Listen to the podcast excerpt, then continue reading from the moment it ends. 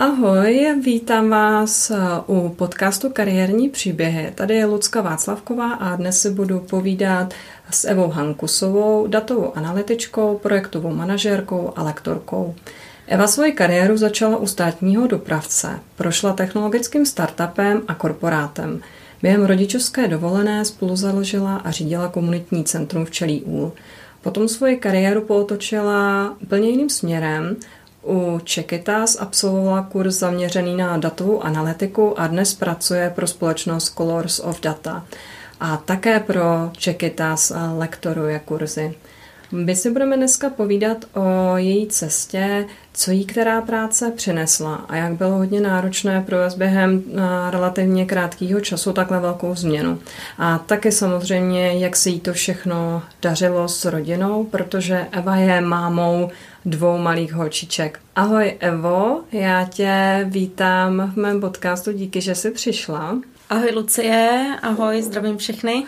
Mně se hrozně líbilo, že ty sama o sobě říkáš, že jsi data storyteller. Co si vlastně pod tím mám představit? Já bych možná na začátku řekla, že celý ten svět dat eh, je pro mě stále zatím eh, něčím novým. Vždycky to přirovnávám k takovému obchodu s čokoládou nebo obchodu plných cukrovinek. Takže ještě stále jako koukám a vlastně všechno, co potkám, mě hrozně baví ale eh, ten data storytelling, který souvisí s datama, je mi vlastně nejbližší. Eh, nejenom proto, že si myslím, eh, že proto mám vlohy, že mi to samozřejmě baví, ale zároveň i nějaké zkušenosti, které mám z předešlých profesí, tak můžu plně využít. Zajímaly tě čísla a data už jako malou holku? Ano, ano, od malička a, a, zajímaly mě třeba i data z pohledu křečků, protože já jsem dřív chtěla být bioložka a zkoumala jsem doma křečky, rozmnožovala jsem je a psala jsem si o tom záznamy, docela podrobný, než mi to teda máma zarazila, protože v jednu chvíli, když bylo doma asi 15 křečků, tak řekla, že už je dost. Takže já jsem si vždycky o tom psala různý záznamy a později potom na gymnáziu e, moji lásku k číslům prohloubil můj profesor matematiky. Takže já jsem vlastně jako jeden z mých oblíbených předmětů byla matematika podstatě možná jediný v té době. A představila se už v té době, eh, čím bys třeba chtěla být? Měla jsi o tom nějaký sen, nebo jsi tak jako říkala, hele, paní učitelka matematiky, nebo už tam třeba bylo, eh, bylo i IT? V tom ranějším věku jsem chtěla být genetička, než jsem zjistila v pozdějším věku, že medicína a vůbec tady ty obory jako jsou hrozně náročný, eh, hlavně na čas a já úplně nejsem takový ten eh, šprtící se typ. A později jsem chodila vlastně i na kurzy HTML, mm-hmm. ale v té době jsem se vlastně nechala přesvědčit, že tenhle obor není pro mě Jo, neřekla bych, že to bylo úplně proto, že jsem holka, nebo možná to s tím jako souviselo, ale tehdy prostě ty kluci, kteří tam se mnou chodili, tak to byli přesně takový ty ajťáci, co, co rozuměli vlastně úplně všemu a, a hráli ty počítačové hry vlastně celý dny. A já jsem se prostě nějak jako nechala vtáhnout do toho, že to není pro mě a šla jsem podle mě jako většina holek uh, studovat ekonomku. Takže máš pocit, že kdyby to bylo třeba jenom na tobě a měla si třeba už tenkrát nějakou podporu, že by třeba tvoje cesta vedla jinudy? Myslím si, že by moje cesta vedla tudy, kudy vede teď. Jaký to potom bylo na té ekonomce? Dokázala jsi tam eh, najít něco, co tě zajímalo, nebo to pro tebe byla taková znouzecnost? Tak eh, mě celkově uh, ekonomie a, a biznis přijde důležitý. To, jako o tom to nebylo ale přišlo mi to pro mě málo vyzývavý. Já totiž potřebuju vždycky nějakou jako výzvu. Pak to splním, vždycky si dám něco do hlavy a pak jdu zatím. A mě ta ekonomka prostě přišla taková jako nudná na můj, na můj způsob. Jo.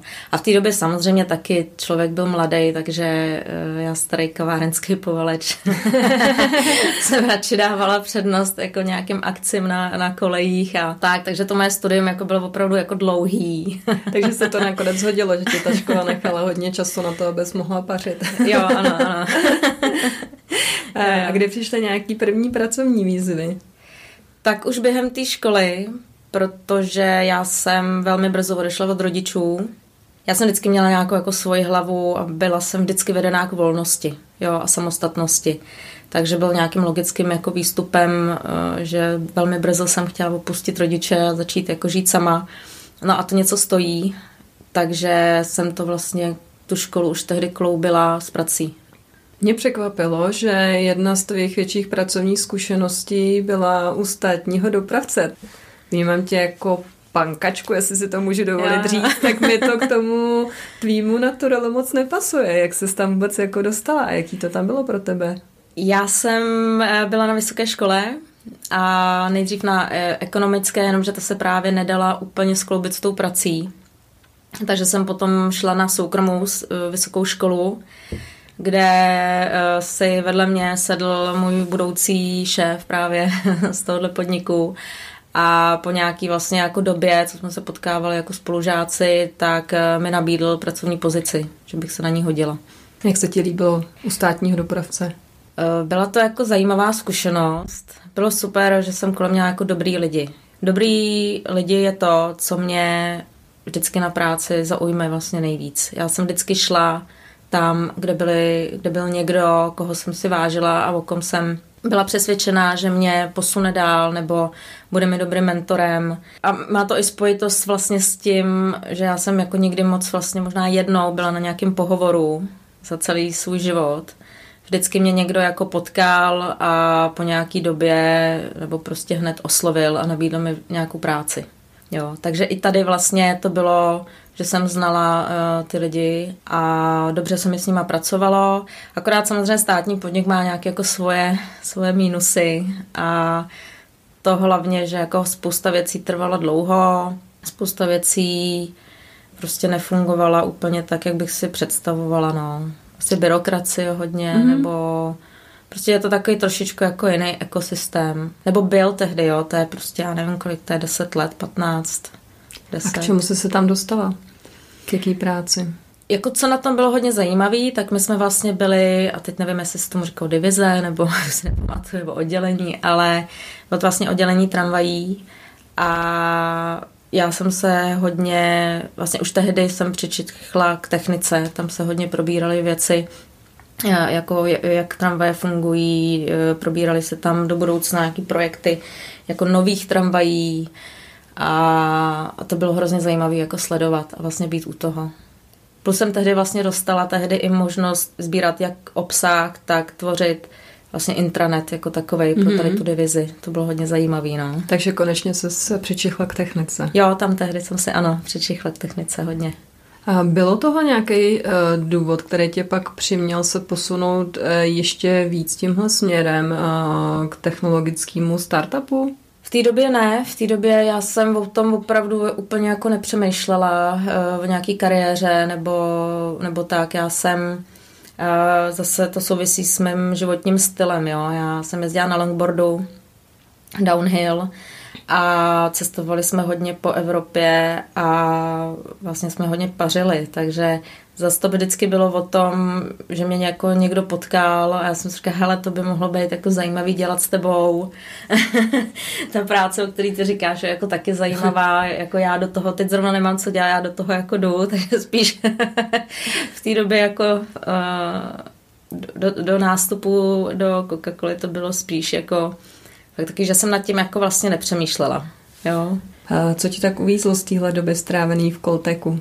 Zase asi ty lidi, tam bylo dobrý, jak to byla malá firma rostoucí vlastně, tak jsme hodně, uh, byla to práce s lidma, vlastně mm-hmm. zaučování těch nových lidí. Tam je fakt, že tam jsem možná přičichla poprvé jako k nějaký edukaci lidí, k nějakému mentoringu a, a zaučování a vlastně uh, jako učení toho týmu, tak tom, tam jako je fakt, že jako z té doby asi tohle to bylo, bylo nejvíc, no, co, co si pamatuju, co si odnáším tam od jako, jako první kontakt s mentoringem. Vnímala jsi nějak sama na sobě, jak to prostředí toho startupu je fakt jiný oproti třeba té státní sféře, a, protože o startupech se o tom, nebo aspoň já to tak vnímám, když se dívám, jak oni se třeba prezentují jako zaměstnavatelé, že ta kultura je tam dost často jako volnější, přátelštější. Bylo tomu tak i v tomhle případě? Jo, určitě. Hmm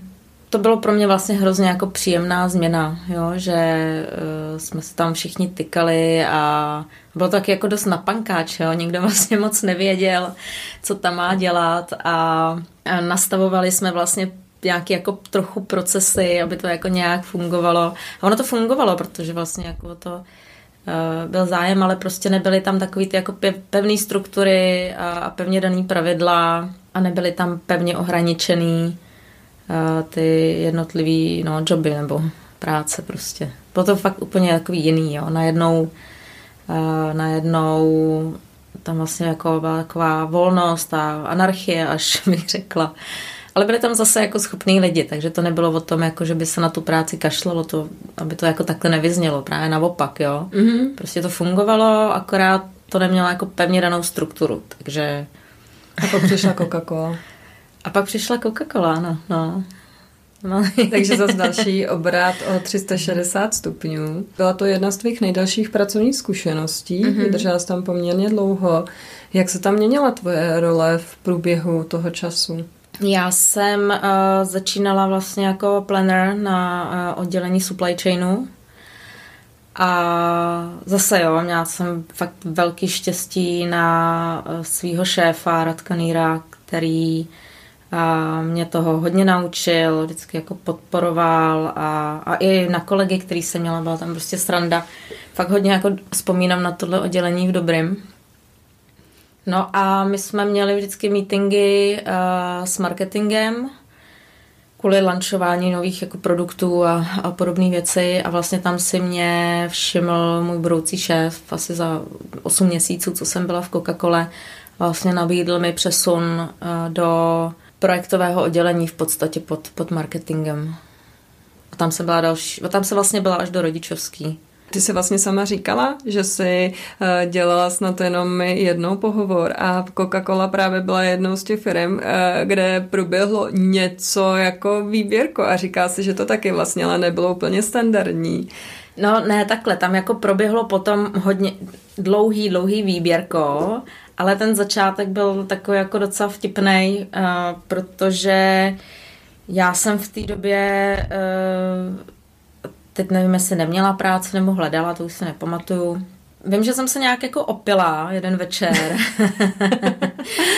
a, a jako dobrý, jo, uběhli snad nějaký jako den, dva nebo něco a mě prostě probudil telefonát, tak jsem to zvedla a uh, byla to rekruterka tehdy z Coca-Coly, mimochodem teď jako moje docela dobrá kamarádka.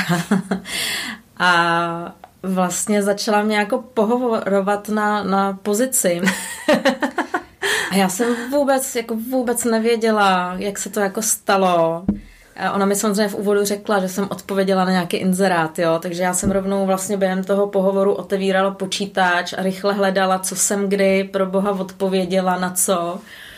Pak jsem vlastně narazila někdy kolem tak jako jedný ráno, že jsem reagovala na, na inzerát z Coca-Coly a úplně jsem to četla během toho pohovoru a říkala jsem si, no to jsem dobrá, že jsem, jako, jsem asi získá jako odvahu se na něco takového přihlásit v noci v jednu ráno. No a, a, a dopadlo to, no. Ale jako je fakt, že potom ty další kola už jsem se jako pořádně připravovala, protože a se mi to opravdu líbila ta nabídka tak jsem si říkala, že ji fakt jako chci dostat. Takže to už potom jako nebylo takhle, že nějakým mm-hmm. letem světem, ale to už opravdu jsem se jako připravovala, hledala jsem si eh, všechno o Coca-Cola, o supply chainu a tak. Takže já si myslím, že příprava je hrozně důležitá ve všem. Když se zase podívám na to vlastně, do jakého typu společnosti si přešla, tak přece jenom velká korporátní firma je zase něco úplně jiného než je startup. Ano, to ano. Ale u mě je to zase o těch lidech. Já musím říct, že v Coca-Cole uh, jsou skvělí lidi. Mm-hmm.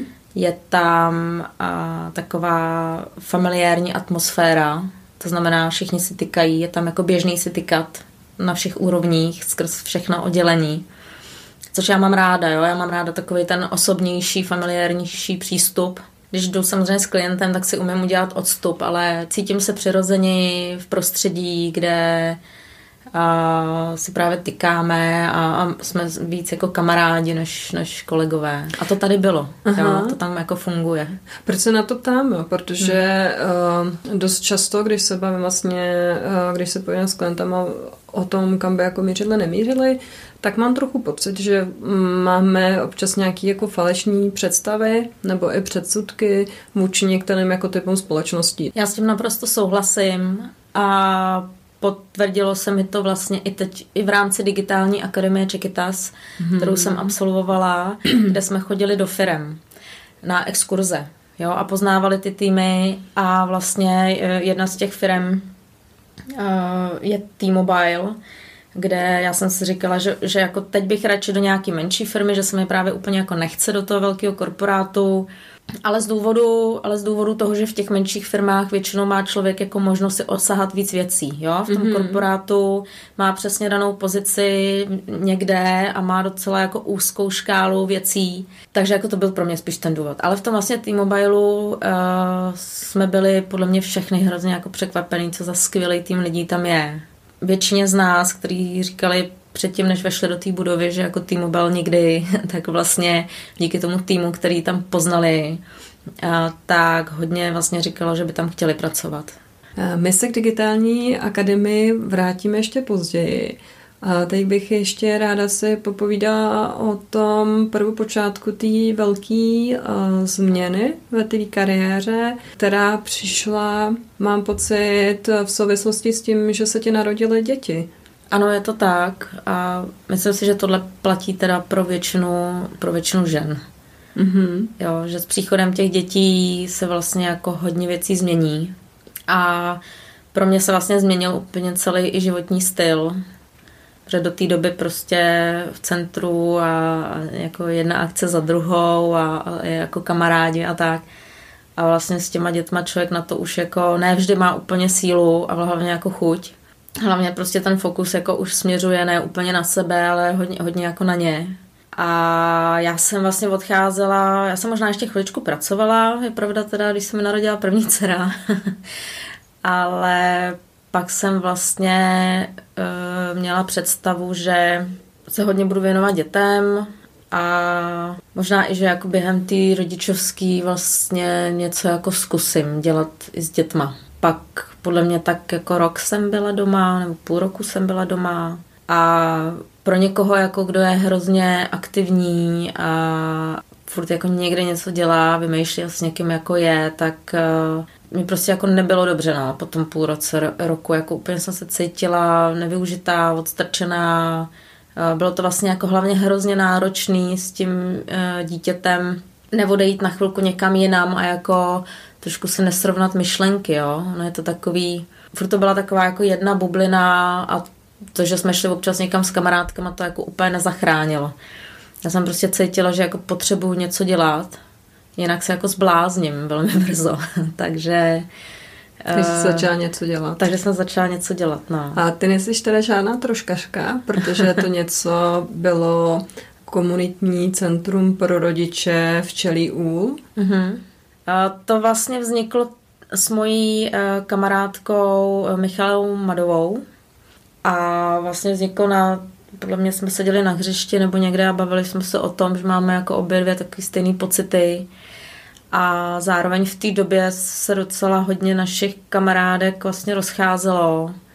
Ty vztahy končily a my jsme sledovali, že vlastně samoživitelky poté, co se třeba rozejdou nebo tak, respektive samoživitelky na tom jako vůbec nejsou dobře. Jo. Takže jsme se začali vlastně tak nějak jako bavit, že eh, bychom tu naše energii, kterou jsme v obě dvě měli, vlastně mohli dát do toho tady těm jako lidem nějakým způsobem pomoct trochu. Mm-hmm. A tak se vlastně začala utvářet jakoby ta myšlenka, až eh, se utvořila vlastně v komunitní centrum velký, který fungovalo nějaký tři, čtyři roky, i vlastně s tou přípravou a tak a v jednu chvíli vlastně mělo tuším nějak tisíc aktivních členů. Tak to je teda hodně slušný výsledek. Mm.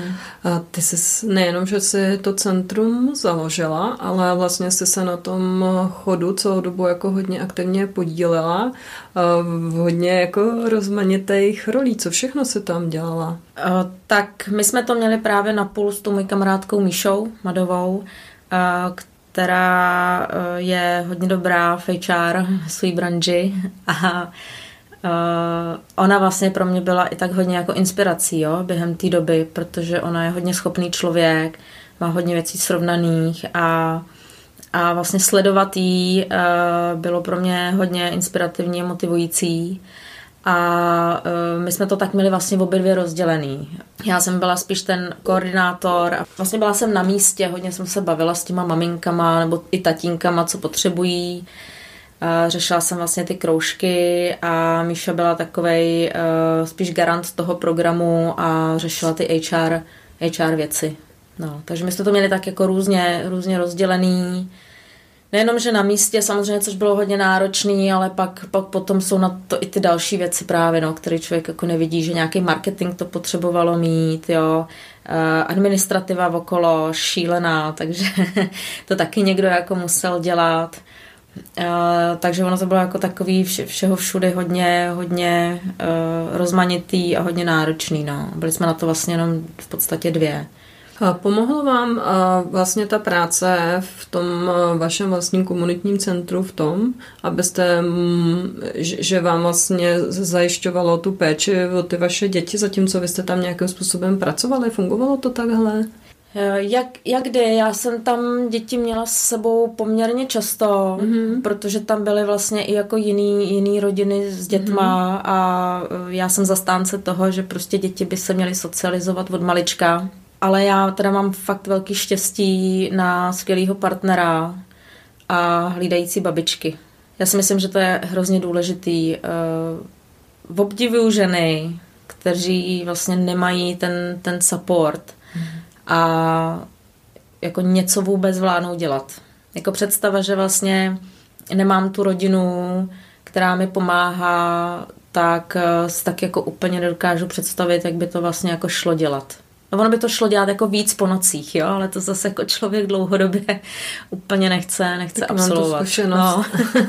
No. Na jaký úvazek zhruba se tam vlastně pracovala? No ono je to vlastně, to je plný, no. Mm-hmm. To jako a možná i víc, jo, protože uh, ta vlastně jako koordinace a komunikace s těma maminkama, eh, tatínkami, rodinama vlastně byla jako jedna věc na místě, ale jak už jsem říkala, nějak jako marketing, administrativa, papírování okolo a podobně, tak to se jako, to potřebovalo taky jako někdy být uděláno, takže takže možná i jako vlastně víc. No. Tak to trochu nabourává ten mýtus o tom, že mateřský centrum je něco, co si maminky jen tak jako šmrdlají. No. mateřský a rodičovský To právě vůbec, jako vůbec nemá, není pravda. No. Kdy jsi si uvědomila, že v tom nechceš dál pokračovat? Tak eh, bylo to tak asi půl roku, možná rok předtím, než jsme skončili, kdy jsme si s Míšou vlastně sedli a bavili jsme se přesně o tom, že je to vlastně jako náročnější, než jsme si představovali. Psychicky je to náročnější to bylo, protože my jsme opravdu jako pracovali s ohroženýma rodinama a některé ty příběhy byly, byly jako náročný už jenom jako poslouchat, jo. E, ten jako asi moment finální bylo, když jsem začala pocitovat, že to už jako ovlivňuje tu rodinu trochu. A holky začaly být starší a bylo i vidět, že je potřeba nebo cítila jsem, jako, že potřeba s třeba víc jako jezdit na nějaký výlety nebo trávit čas někde jako jinde, jinde venku. Než v tom centru. No, tak oni tam samozřejmě nebyli furt, nebo ani já jsem tam nebyla furt, jo. Ono, e, některé věci se prostě dali samozřejmě dělat z domova, tak jsem to dělávala po večerech a, a tak, ale, ale už jsem prostě cítila, že jak byly větší, takže je potřeba prostě toho času trávit s nima ještě víc. No. Jak jsi se dostala k Čekytas? Tak Čekytas sleduju od začátku, nebo sledovala jsem. Možná tedy právě v souvislosti s včelým úlem, protože jsme mm-hmm. samozřejmě koukali na jiné neziskovky, co dělají. a hrozně se mi to jako líbilo. Jo. A bylo to vlastně takový ten jako první pocit, že někdo vlastně podporuje ty holky v tom, aby si jako takový to podpora jako na to máš. To, co vlastně mě chybělo tehdy na, na tom Gimplu v podstatě, nebo v té době, jako aby tam někdo byl a řekl mi, jako na to máš, vlastně to můžeš úplně v pohodě dělat. Mm-hmm. Jo. A takhle já vnímám vlastně Čekytas, že pro ty, co chtějí, tak vlastně oni dají jako nástroj a prostředí a ten support k tomu, aby, aby se to jako stalo. A proč zrovna datová analytika? Já vím, že Chiquitas ten program mají jako hodně rozsáhlý. Co tě přimělo si vybrat zrovna tenhle kurz? Jak už jsem vzpomínala na tu moji Míšu, se kterou jsme měli včelý úl, tak eh, ona tuším dlouho rekrutovala IT lidi a tak nějak pozorovala za dobu toho našeho působení. A právě někdy jako ke konci, kdy já jsem říkala, že, že se musím začít zamýšlet nad tím, jako teda, co budu dělat, tak uh, ona mi jako naprosto z odpověděla, jako ty dělej datovou analytiku. A já jako, co, já, bože. Nic nevěděla, co si máš po tím nevěděla. Přesně jako řekla jsem si, tak jako Excel, no tak ten umím. jsem, tak já Excel jako ten umím, že jo. A ona říká, ne, ne, ne, ty se na to hodíš, prostě dělej, dělej tohle. A tak jsem o tom jako začala přemýšlet. Jsem si říkala, tak jako ona má tu zkušenost a hlavně mě jako zná. Takže když mi jako říká tohle, tak asi na tom jako něco bude. A s okolností mi vlastně doporučila i Petru Drahoňovskou, která dělá uh, kariérní poradenství. Uh, myslím, že se říká career designer mm-hmm. a spolupracuje s Chiquitas. A tak jsem si s ní vlastně sedla a dělali jsme si taky ty kariérní mapy a bavili jsme se vlastně o tom, co, co a jak respektive já jsem hodně mluvila vlastně nahlas. Podle mě jsem si to během, během té hodiny jako sama vlastně odpověděla. Což možná i bývá podstata, jo, tady těch map těžko říct, ale vlastně jsem věděla, jako kam nechci jít, takže eh, když mi vlastně potom jako Petra řekla, že existuje tady ten kurz vlastně Akademie datové analytiky, tak jsem si říkala, že ho zkusím absolvovat a uvidím, jestli mě to vlastně vůbec jako bude bavit, jestli mě to chytne. Jo, protože jak samozřejmě kromě lidí, který mám kolem sebe, kteří jsou pro mě důležitý, tak uh, mě ta práce musí bavit. Jaký to pak bylo, ten kurz? Já, já jsem slyšela na Čeky to samou chválu, i moc ráda eh, ty jejich služby propaguju dál, a, ale zároveň jsem slyšela, že to není teda úplně sranda, že je to hodně náročný a intenzivní. Je, je. Musím říct, že teda jsme potili krev. Ke konci už jsme byli jako úplně vysílený. Ale uh, stojí to za to. No. Můžeš říct, co to vlastně znamená se zapojit do takového kurzu? Jak často se tam musela chodit? Co se třeba musela dělat? Tak chodí se každý den. Mm-hmm. Většinou po večerech, protože uh, hodně těch uh, holek jsou maminky, případně uh, studentky nebo některý z nich i vlastně chodí do práce. Takže je to jako po večerech takový třeba 3-4 hodiny, tuším, a k tomu ještě vlastně celý soboty. A v neděli je sice jako volno, ale většinou se třeba jako člověk musí něco doučit nebo dodělat nebo tak, jo. Třeba pro mě to bylo náročné v tom, že jsem vlastně byla s holkama, já jsem tehdy vlastně ještě dodělávala věci jako kvůli včelýmu úlu, protože my tu neziskovku vlastně furt máme, když komunitní centrum už není, tak neziskovka jede dál. A, takže jsem vlastně ještě jako trošku pracovala dopoledne, odpoledne jsem byla po obědě s holkama, občas aby jako taky, aby jsme se viděli. A pak vlastně jsem jela na ty kurzy. A tohle bylo pro mě nejhorší, jo, protože holky vlastně uh, jsou zvyklí od malička, že já s nima jako to odpoledne až do večera, až do usínání uh, prostě jsem. A tohle bylo vlastně poprvé, kdy oni mě jako neviděli v tady tu dobu. Jo, Jak dlouho to jako trvalo večer. ten kurz? Tři měsíce. Tak to je docela záhul čtvrt roku. No a vlastně jako fakt nezažila jsem to teda jenom já, uh, takový jako situace, kdy ty děti mě držely za nohu, jako maminko kam jdeš. Znám. to bylo jako taky, to, to bylo taky hodně jako těžký, jo, to si pak jako člověk opravdu říká, jestli to stojí, to za, stojí to. za to a a tak, ale naštěstí to jako fakt bylo jenom párkrát a, a ke konci, no. Kdo ti s tím pomohl to doma zvládnout? Můj muž. Jako, já si myslím, že na tom gala večeru, kdy většina z nás měla nějakou děkovačku, tak bylo k našim partnerům. nebo, nebo k našim babičkám, maminkám.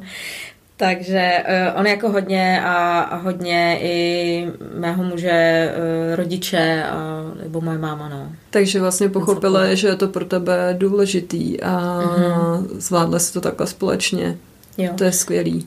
Já si fakt uh, myslím, že prostě hrozně důležitý je mít uh, kolem sebe nějaký support a, a hlavně jako muže, který, který jako podporuje jo, tu myšlenku nebo nebo i jako tebe, takže já vím, že hodně třeba mých kamarádek to nemá, tam je třeba důležitá jako teplá večeře večer, ale naštěstí teda já to mám, no. Jsem za to fakt vděčná. Jde to i bez teplý večeře. Jde to i bez teplý večeře, chci vzkázat teda, no. Můj muž by teda možná něco namítal, jo, že se mu teda stejská možná, ale... A já, já jsem ale... měla taky vlastně štěstí v tomhle. Já musím říct, že jsem viděla, že to dělá fakt ten rozdíl v těch možnostech.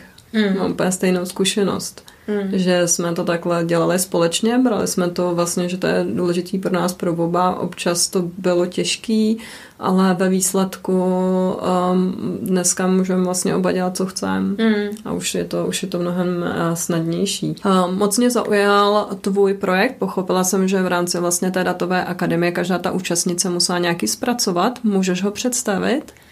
Ano, je to tak vlastně výstupem Datové akademie je, je vlastní projekt, kde vlastně účastnice ukazují, co se naučili, s čím se setkali a jak se s tím poprali. A e, ten projekt se dělá ve dvou, takže vlastně nejenom já, ale i e, Mária Mižíková, se kterou jsme se vlastně dali dohromady, tak obě dvě jsme na tom pracovali.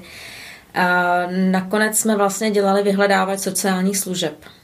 A bylo to proto, protože jsme se v té době vlastně obě dvě setkali s uh, umístěváním svých blízkých uh, do nějakého ústavu a uh, zjistili jsme, že vlastně v této jako stresující době pro ty rodiny tohle řešit je teda jako o dost další větší stres jako navíc. Takže jsme hodně přemýšleli o tom, jako jak jim to ulehčit a vlastně Udělali jsme eh, s pomocí eh, platformy Clever Maps eh, takovou mapu, aplikaci, kde si vlastně rodiny podle určitých kritérií můžou vlastně vyhledat ten, ten domov nebo, nebo nějaký jako ústav. Hej, já potom v článku k tomuhle podcastu dám velmi ráda i odkaz, kdyby to někoho zajímalo, ať si to může sám vyzkoušet, protože pochopila jsem, že ten projekt opravdu běží, že funguje. Takhle, on jako běží, funguje, ale ještě není veřejný. Mm. Ale už jako věřím tomu, že, že bude. Že bude. že to musím dotáhnout, no. Ale jako je, je vlastně hotový a běží. No. Očekita jsem slyšela, že kromě těch kurzů nabízejí také kariérové poradenství a snaží se vlastně propojovat ty účastnice přímo s firmami aby jim usnadnili tu cestu k tomu uplatnění v IT. Bylo tomu taky v tvém případě? Pomohli ti přímo Čekytas nebo si to řešila sama po vlastní linii?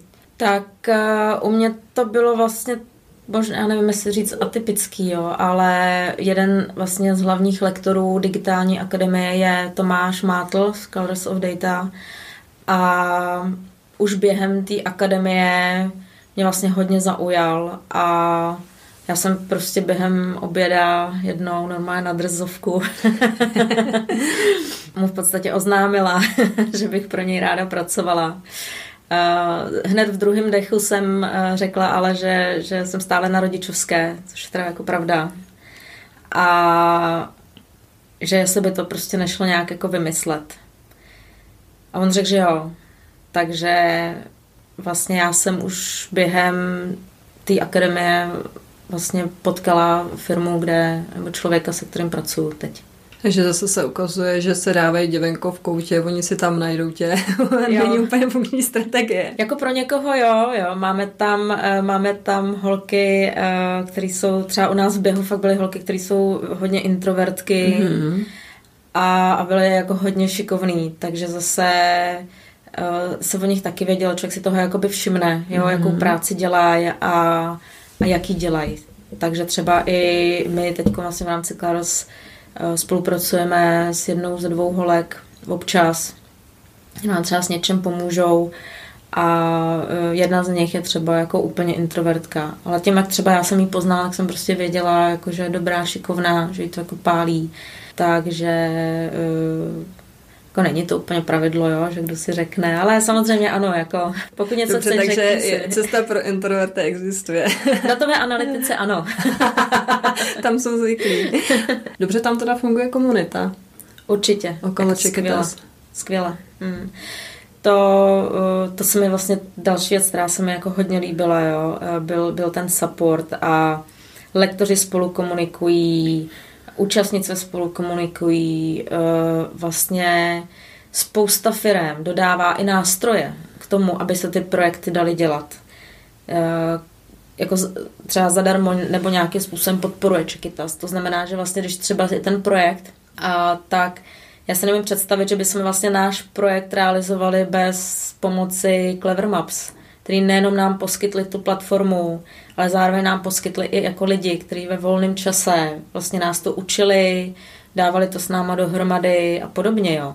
Tam prostě neexist, jako nezažila jsem, že by někdo na něco řekl ne, nebo nejde, nebo nebudu to s tebou sdílet, nebo neukážu ti jak na to, nebo nepomůžu ti. To prostě, to jsem nezažila a v podstatě i jako teď, když se na kohokoliv vlastně obrátím, tak, tak dostanu pomoc, vlastně, kterou potřebuju. I když je to třeba konkurenční firma, když jsou to lidi z konkurenčních firm. Pokud vím, tak ty si do Colors nenastupovala na juniorní pozici. A podařilo se ti zúročit eh, dobře ty zkušenosti, co jsi měla z dřívějška? Ano, je fakt, že já jsem se během toho kurzu trošku bála, že vlastně uh, budu pracovat jako junior datová analytička, že vlastně začnu jako úplně od začátku, jo. Jako bylo mi to tak jako trošku líto, že už těch věcí za sebou jsem měla fakt hodně, ale jako byla jsem na to připravená, jenom jsem to tak jako vnitřně cítila, že začínat někde jako junior by mě asi trošku jako trápilo. a to vlastně eh, Microsoft Data vyřešili, protože tam se Tomáše otevřela vlastně pozice projektového manažera a zároveň vlastně uh, my jsme si s Tomášem, jak jsme si spolu sedli, což prostě byl zase úplně jako základ všeho, tak jsme se domluvili, že vlastně já tu datovou analytiku dál uh, se budu učit a dál se v ní budu rozvíjet.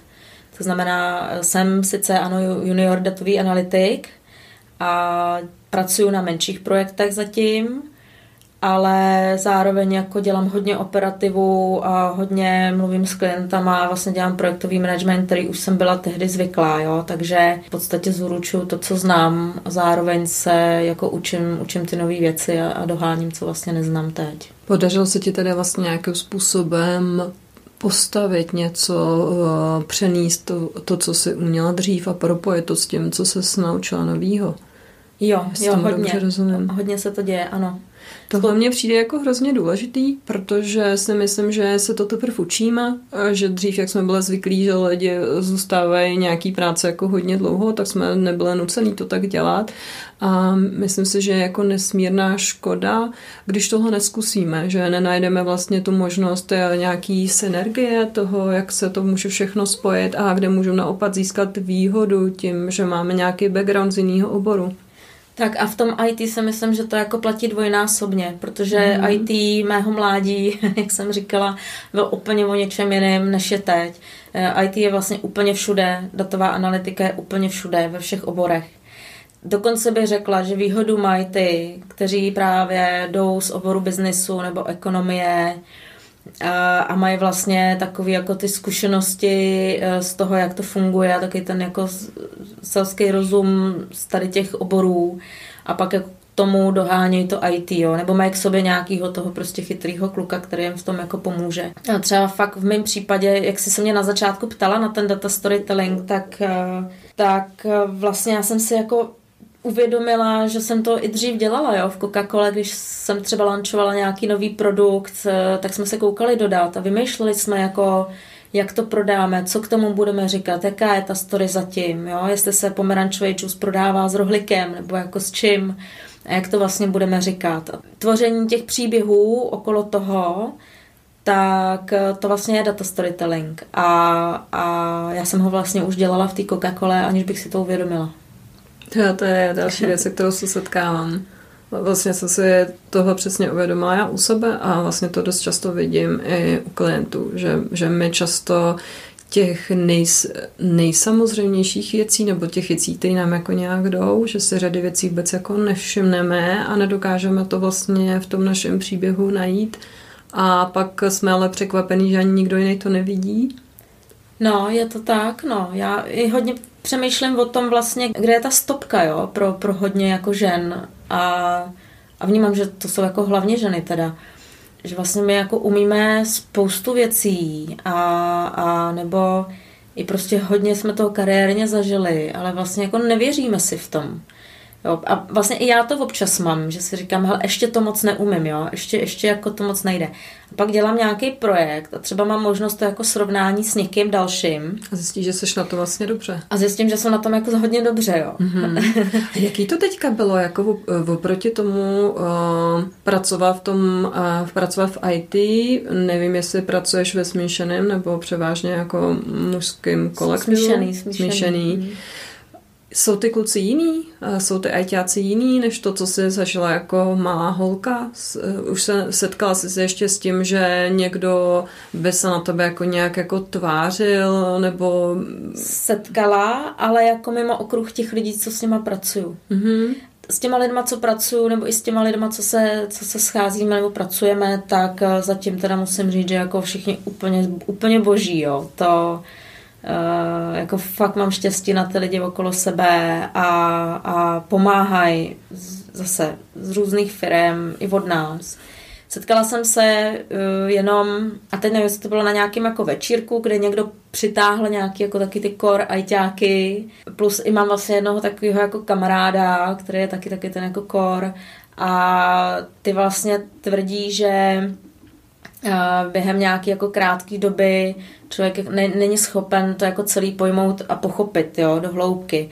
A oni mají vlastně jako pravdu. Já neříkám, že po absolvování Čekytas prostě jsme IT přeborníci, ale uh, souvisí to s tou jakoby dobou. Ono dneska prostě ten člověk, když jde z toho jiného oboru a propojí to s tím IT, tak má vlastně jako mnohem větší přidanou hodnotu, nebo taky jako není úplně pravda, ale má prostě jako přidanou hodnotu. A jiný, jiný vlastně mindset, jiný, jo, jiný skilly, jiný skill. než vlastně člověk, který jde v tom svém oboru.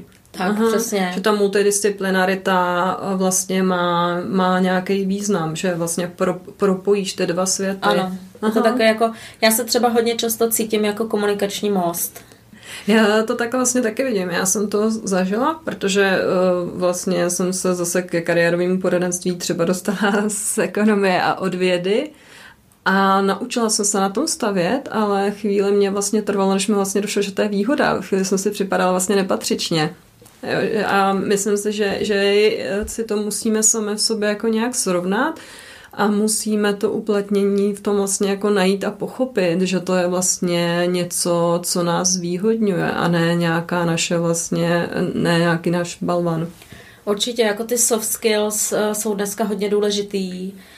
Hard skills například, uh, já, já to třeba jako nechci to úplně zlehčovat, jo, ale dneska prostě, když něco nevím, tak si to najdu jako na internetu. Když mi něco chybí, jo, mm-hmm. nějaká znalost, nějaká znalost Informace. teď jsem se vlastně uh, učila statistiku, jo, sama. Já jsem si teda asi učila už na vejšce samozřejmě, asi na Gimplu, ale prostě pamatuju. úplně jsem to jako opustila, takže teď, teď minulý, zrovna minulý týden jsem vlastně sedla, sedla k počítači a a po večerech jsem se koukala na různý videa, četla jsem prostě různé články a, a tak, vlastně jako tohle to jde, jo, že si to dneska člověk jakoby může dohledat. Ale to, jak já komunikuju s lidma, jak prostě komunikuju s klientem, jak jsem schopná vysvětlit tady nějaké jako ty věci člověku, který tu matematiku nevidí, tak to je důležitý dneska, podle mýho. Dokážeš to líp, než, to, než by to dokázal třeba někdo, kdo je v tom zanořený až po uši a nemá takový background, aby zvládnul tu komunikaci s klientem. Za prvý a už jakoby nemá takový ten nadhled. Už je Aha. v tom jako hodně, hodně dlouho a hodně tomu rozumí, takže podle mě často si jako Nechápe není schopen... začátečníka. No. Ne, nesníží se na úroveň toho amatéra, začátečníka, jo. klienta. Aha. Jo. Kolik hodin teďka vůbec pracuješ? Jak vypadá tvůj režim dneska? Tak eh, já musím říct, že mám velký štěstí eh, na to, že Tomáš mi dává hodně prostoru a volnosti a respektuje to, že já ještě jsem doma s dětma v podstatě. Jako bavili jsme se o nějakém půlúvazku, asi už je to víc zase, ale třeba uh, vlastně potkáváme se hlavně v pondělí, pokud není nějaký jako v týdnu schůzka u klienta, a hodně těch věcí vlastně můžu dělat z domova, což je pro mě důležitý, protože si můžu líp organizovat čas a hlavně už nebydlím v Praze, jsme se odstěhovali za Prahu, takže mi to ušetří nějaké dojíždění vlastně jako tři hodiny z mýho času, který můžu věnovat práci. A ono tak jako pracovat z domova není úplně pro každýho, jo. Ale já ten drill vlastně jako mám že jsi zvyklá. Uh, jsem zvyklá, jsem zvyklá, mám jako hodně sebedisciplínu. A myslím si, že na začátku byl, zase to je o těch lidech, jo, na začátku byl Tomáš takový jako trošku opatrný, taky, taky zkoušel, ale podle mě jako když zjistil, že uh, mi dá úkol a pak odjede a vrátí se zpátky za dva dny a ono je to vlastně jako uh, hotový, tak tak byl vlastně milé překvapený podle mýho a, a od té doby mi dává uh, jako volnost v podstatě, no. Jako ví, že ta práce prostě bude hotová. Asi toho ještě eh, na tebe bylo málo. Rozhodla se, že budeš eh, čekat a taky nějakým způsobem vracet to, co jsi naučila a začala si s lektorováním. Do čeho se spustila? Co, jaký kurzy učíš? Když končil vlastně, ta, když končila ta akademie, tak mě bylo hrozně líto, že už to vlastně jakoby opouštím, jo.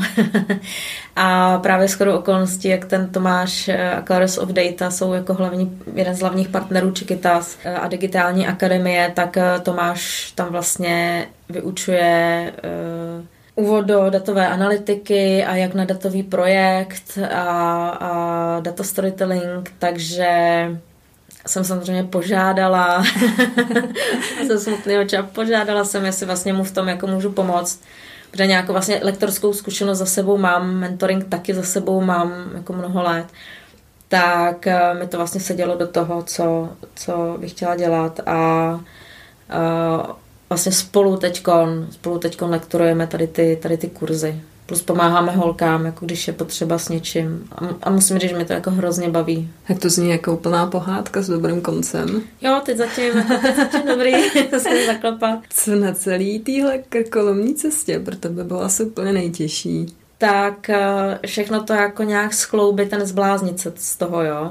Člověk si furt musí najít nějaký čas pro sebe, uh, musí si najít čas s rodinou, Prostě já jsem zastánce toho, že to ty děti jako nesmí úplně ovlivňovat. Takže byla doba, kdy uh, jsem podle mě jako hodně pracujících matek uh, vstávala ve tři ráno a pracovala od tří do sedmi, než děti vstanou. Takže jako to bylo náročné. No. Takový ty jako už taky nejsou úplně nejmladší a ono, ono jako pracovat po nocích a, a brzo ráno a hodně jako po večerech je prostě náročný. Takže vždycky to nějak tak jako skloubit eh, a správně nastavit je, je jako hrozně důležitý, no. A tak já mám ten projekt management, tak jako jsem to tak využila i v tomhle, i v tomhle, no. Ale jako... A teď už toho času je víc? Už uh, je to, vnímáš, že to je v nějaký větší pohodě? Máš víc času i třeba na sebe? Jo, jo, vnímám, že je to, že je to lepší teďkon. A oni i ty děti, děti totiž, jak jsou starší, už to je takový, jako že se já mám teda jako pětiletou holku, tu starší, ty mladší je dva a půl, ale i ta dva a půl jako letá už je naučená, že se prostě sama oblíkne, vybere si ty věci, jo, už to je takový, uh, že nepotřebují úplně takovou tu péči s, s těma běžnýma úkonama během toho dne. A do čeho se pouštíš? Když máš eh, volný odpoledne, když máš pár hodin nebo minut volného času? Tak eh, já miluju rodinnou historii, zaobírám se rodinnou historií už od svých deseti let, takový můj jako velký koníček. A celý ty leta vlastně píšu rodinnou kroniku, která už má nějakých jako takových přes 100 stránek A4. Mám rodokmen do nějakého 16. 17. století, teď už i větve vlastně od mýho muže, a tak jako nad tím relaxuju, no, lepím, lepím fotky a... jak já říkám, wow, není, není vidět, jak na Evu oči, to je fakt uh, dost zajímavý. Jo, jo, jo, tak uh, u mě to vlastně vyvolalo, že v té době mi zemřel můj oblíbený dědeček a jediný, kdo byl vlastně smutný, jsem byla já mm-hmm. z té rodiny, protože uh, on byl docela přísnej a já jsem z velké rodiny, kde jsou hlavně kluci, jo. A uh, on je tak jako vždycky prostě profackoval a, a tak, takže tam opět ty vzpomínky nebyly dobrý. Ale mě vždycky nosil jako na rukách, jo. Vlastně a já jsem vůbec, princezna. Já princezna, přesně tak. A já jsem vůbec jako nepochopila, proč, proč eh, je tam taky jako různý reakce. A hrozně mě to vlastně zajímalo, takže jsem začala pátrat potom vlastně jako co to bylo za člověka. Jo, a i můj, a jeden z mých tradeů se vlastně Rodokmanen zabývá, takže i spoustu věcí jsem měla od něj. No a už to tak nějak jako, už mě to chytlo a začala jsem vlastně pak vždycky člověk jako objeví, to je taková pátračka, jo, prostě vždycky člověk jako objeví nějakého jako dalšího člena, a ten je třeba hrozně jako zajímavý a vůbec to vlastně jako netušil o něm, a, takže prostě zjišťuje jako dál a dál. A že jsi vlastně nějaká no. detektivka. Jo, jo, jo, přesně tak. A mám ráda detektivky, no, koukám na seriály občas. to dobře jde dohromady s tím a data storytellingem, že tam vždycky něco kouzelného vyhrabeš. Jo, je to Zavíš, tak, no. Zažíváš to něco takového, že se hrabeš datama a pak tam něco jako objevíš nějaký souvislosti, jako tě to potěší. Jo, to je něco jsem jako tady přišla. No to je vždycky právě Já to znám z jako- vědy jako... třeba, jo. Mě jo tohle hrozně jako bavilo, že jsem tam našla nějakou souvislost. Jo, to je vždycky úplně podle mě jako největší blaženost pro datového analytika je, za prvý, když to trošku začne fungovat a, a za druhý, když v tom jako něco najde no, pro toho klienta. To je, to je jako po každý takový jako dost, zadosti učinění dobrý. Jo, zvlášť, když třeba ty data jsou v nějakém jako horším stavu a ten člověk stráví hmm. fakt 80% toho času Eh, čištěním těch dát a zjišťováním, jak to spojit dohromady a jak to teda celý pojmout a, a tak je to taková jako docela náročná činnost. Tak když potom eh, vlastně v tom jako najde nějakou tu přidanou hodnotu pro toho klienta, tak je to prostě fakt jako radost. Myslím, že to je patrný i z toho, jak se Eva tady usmívá, u toho, jestli to je slyšet z toho našeho rozhovoru. Já tady třeba vidím, že úplně září a není to jen tím, že sedí bodu lustrem. Když mluví o těch číslech, tak eh, z ní vnímám, že je to něco, co jí opravdu těší. Jsi spokojená? Jo, jsem, hodně. Teďko, no, ano. A jaký máš plány do budoucna? Tak eh, teď, teď už mám jenom jako jeden plán a to dostavit barák. Takže jako když, už se, když už se hodně posunula v té pracovní oblasti, tak eh, teďka zase se chceš soustředit na něco rodinného. Jo, ale jak už jsem říkala, jo, pro mě je to prostě teď takový velký jako obchod s čokoládou a, a Tomáš mi prostě dává všechny jako možný, velk, takový velký support toho, abych si to různě oskoušela, různě ošahala takže jako teďko, teďko mám plány v podstatě to poznat a více jako rozvíjet v tomhle, ale že bych měla úplně jako něco, e, nějaký jako teď nový bod a nový cíl, tak teď ne. Teď jako je to úplně tak, jak to má být.